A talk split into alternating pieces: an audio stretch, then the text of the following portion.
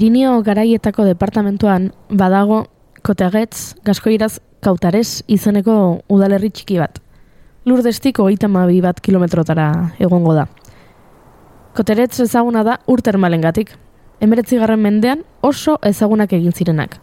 Terms de César, las Terms de Kirifon edo Terms du Rocher. Bertatik, pertsonaia historiko ugari pasa dira. George Sand, François René de Chateaubriand, Victor Hugo, Napoleon irugarrena eta bere ama, Hortensia de Bonais, edo Bernadette Zubigu.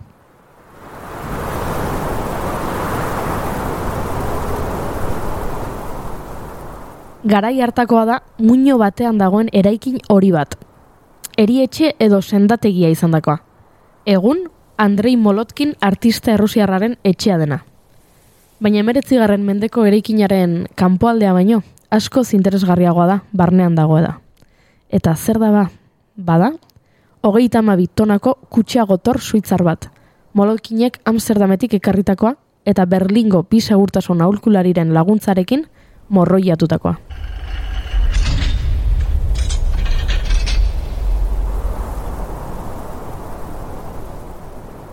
Eta berriro ere, interesgarriagoa da barruan dagoena. Amasei artelan. Picassoren, Rembrandten eta Andy Warholen lanak.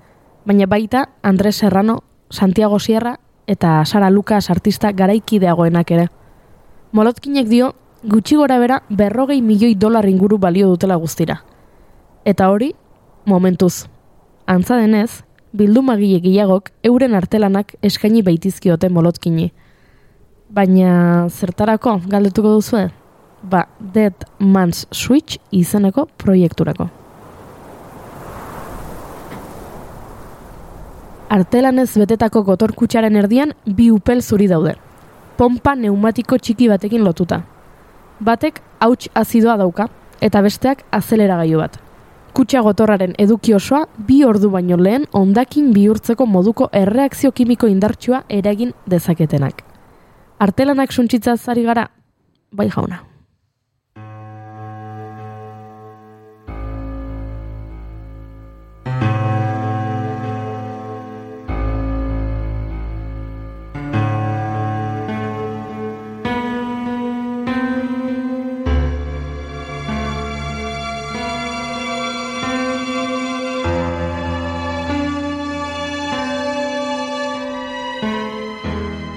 Esan bezala, Dead Man's Switch izan du proiektuak. Hau da, hildako gizonaren etengailua. Baina nor da hildako gizona? Ba, Julian Assange, guztiok ezagutzen duguna. Bai, Assange e, Wikileakseko sortzailea, une hauetan Londresko segurtasun handiko Belmarsh espetxean preso dagoena.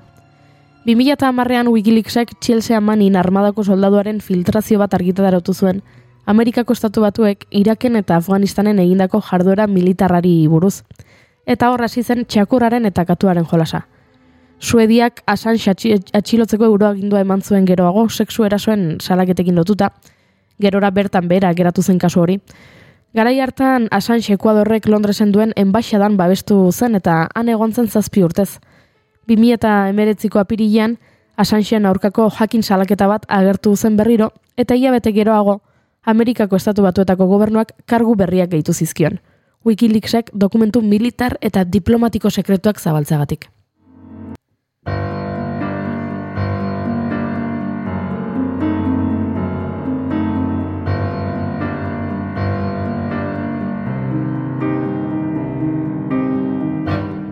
Espioitza legea urratzea egotzi diote eta horrela egunak joan eta egunak etorri hamarkada bat baino gehiago daramagu traola fria sanxaldarikatuz. Datorren astean, otxaiaren hogeian eta hogeita batean, Asanxek estatu batuek ura estraitatzeko agindua errekurritzeko egindako azken eskaintzari buruzko epaikete bati aurre egin beharko dio. Epaiketa hasten den egunean, bi bideokamara piztuko dira koteretzen, Frantziako urtermalen herrian bata kutsa gotorraren txoko batean eta bestea kanpoan. Eta bideoa ikusgai egongo da YouTubeen zuzenean streaming bidez. Eta hemen dago proiektuaren gakoa. Assange kartzelan hiltzen bada, urrutiko kontroleko botoi bat aktibatuko da, erreakzio kimikoa abiarazteko.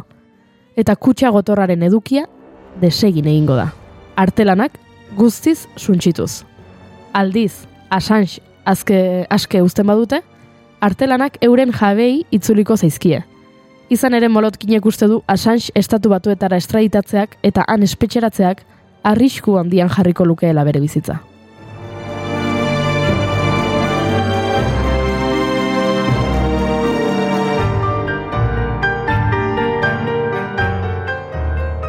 Antza denez, molotkinek Estela Assange, hau da Julianen emaztea, eta Wikileakseko kideak joan den martxoan ezagutu zituen Londresen, arte politikoaren aldeko erakunde baten erakusketa batean. Erakundea 2000 eta jarri zuen martxan Andrei Tretiakov ekintzaile eta arte bildumagile kazajastandarrak. Eta gai politiko provokatzaileekin maiz aritzen diren hainbat artistaren lana babesten du. Esaten dutenez, gainera, Tretiakokek lagundu dio molotkini koteretzeko eriotxe eriotxea erosten. Eta horrela jaio zen proiektua. Honakoa esan du molotkinek elgertzketa batean. Gaur egungo garai katastrofikoan hainbeste gerra ditugunean artea suntsitzea pertsona baten bizitza suntsitzea baino tabuagoa da. Julian Assange kartzelan dagoenetik, adirazpen askatasuna eta informazio askatasuna gero eta murritzagoa da.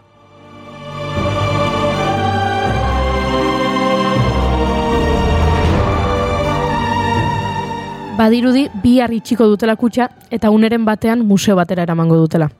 Molotkinek dio kutxa gotorra hogeita lau orduko temporizadere batera lotuta egongo dela. Eta ordulari hori egunero berrezarri beharko duela. Edo bestela bi barrikaren gai korrosioak askatu egingo direla. Esaten du egunero temporizadorea berreraziko dela asanjen gertuko norbaitek bizirik dagoela bai duenean.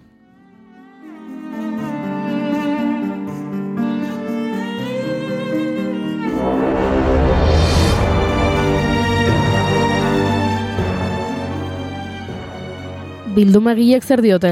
Urduri egongo dira? Jan Paolo Abandio, Milango Arte Galeria baten jabeak, Sky News aldizkariari esan dionez, hasiera batean molotkinen ideia baztertu zuen, baina orain Picasso bat eman dio proiektuari. Garrantzitsua da munduak asantze bat izatea Picasso estra bat baino. Horregatik erabaki nuen molotkinen parte hartzeko eskaintza onartzea. Esan dezagun, baikorra naizela eta artelana kutsan uzten dudala. Asantz libre geratzen bada, berreskuratu ahal izango dut. Picassok amar mila milioitik eun milioira alda dezake, baina zeruen kopuruak ez du garrantziarik bizitzarekin alderatuta.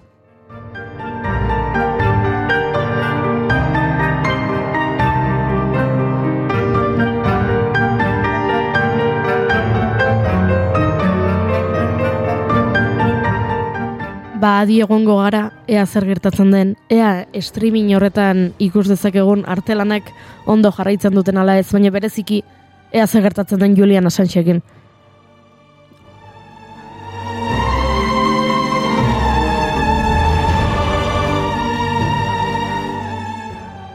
Gian Paolo Abondiok esaten duen bezala, e, bai, penatu egiten gaituelako artelanak eta ondariak suntsitzeak, baina ere gehiago, askatasun eskubideak urratzeak eta hamarkada luzez pertsona bat kartzelan edukitzak.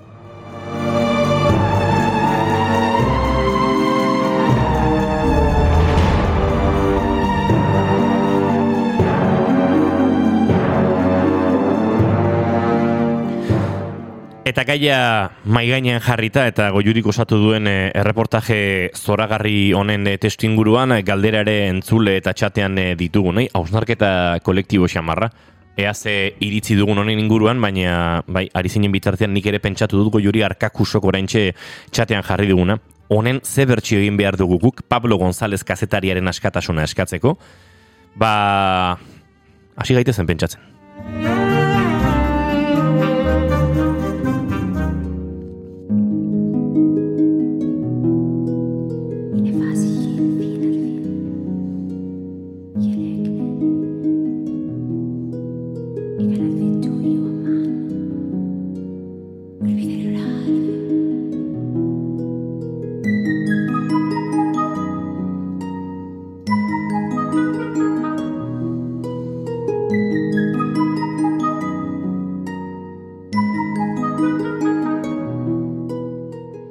Zazpireun egunetik gora, oso gora, daramatza Pablo Gonzálezek Poloniako kartzel eh, batean.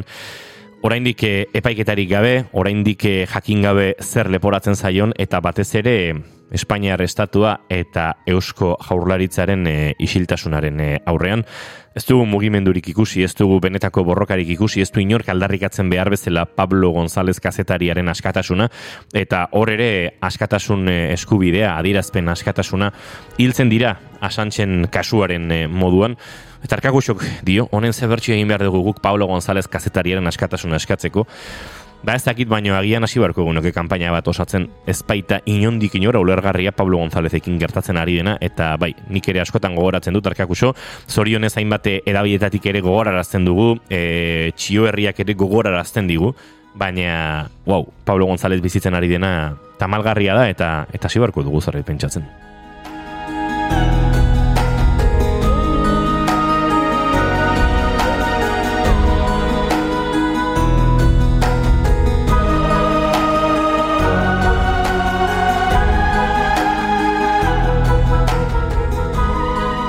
Amnesty Internationalek eta beste hainbat erakundeek, mugimenduek, kazetarien elkarteek eta bar eskatu dute. Pablo Gonzalezen aislamendu erregimen honek amaitu behar duela, baina oraindik ere ez dugu inondik inora, horren berri eta oker ezpanaiz datorren astean, pasatxo, bi aste barru otxaiaren e, hogeita zazpi martxoaren e, lau bostean uste dut beteko direla ba, bi urte bere, bere atxiloketatik eta eta hor jarraitzen dugu.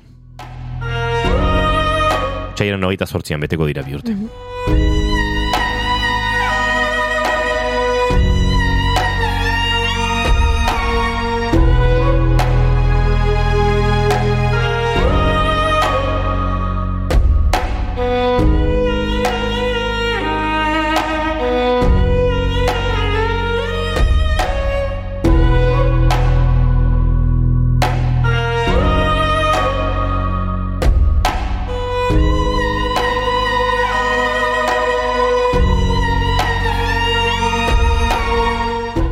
bat arte hartzen dugun datozen egunetan oiana goirienarekin, e, Pablo Gonzalezen bikotearekin, e, honen e, egoraren e, jarraipena ere egiteko, badakite uin hauetan e, naiz irratian ere jarraipen e, sendoa egin zaiola, baina tira, dena gutxi izango da eta eta ikusi beharko dugu. Ea, bueno, arkakusok aipatzen duen mugimendu hori, nonbaitetik edo noruntze eraiki behar dugun, baina baina egia da zerbait egin behar dela.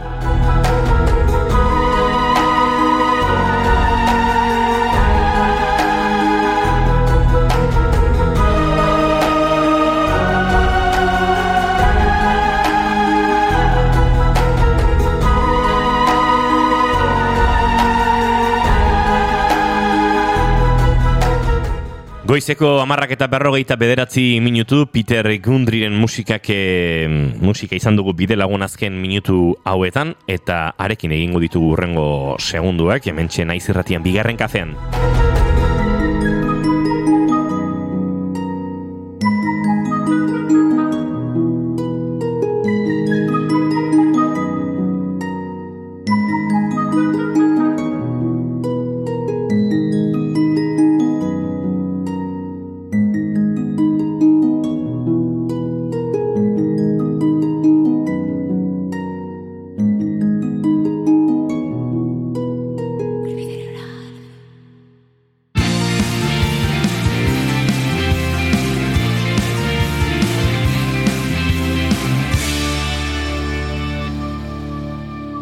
Bigarrenak ez direlako beti okerragoak, bigarren kafea.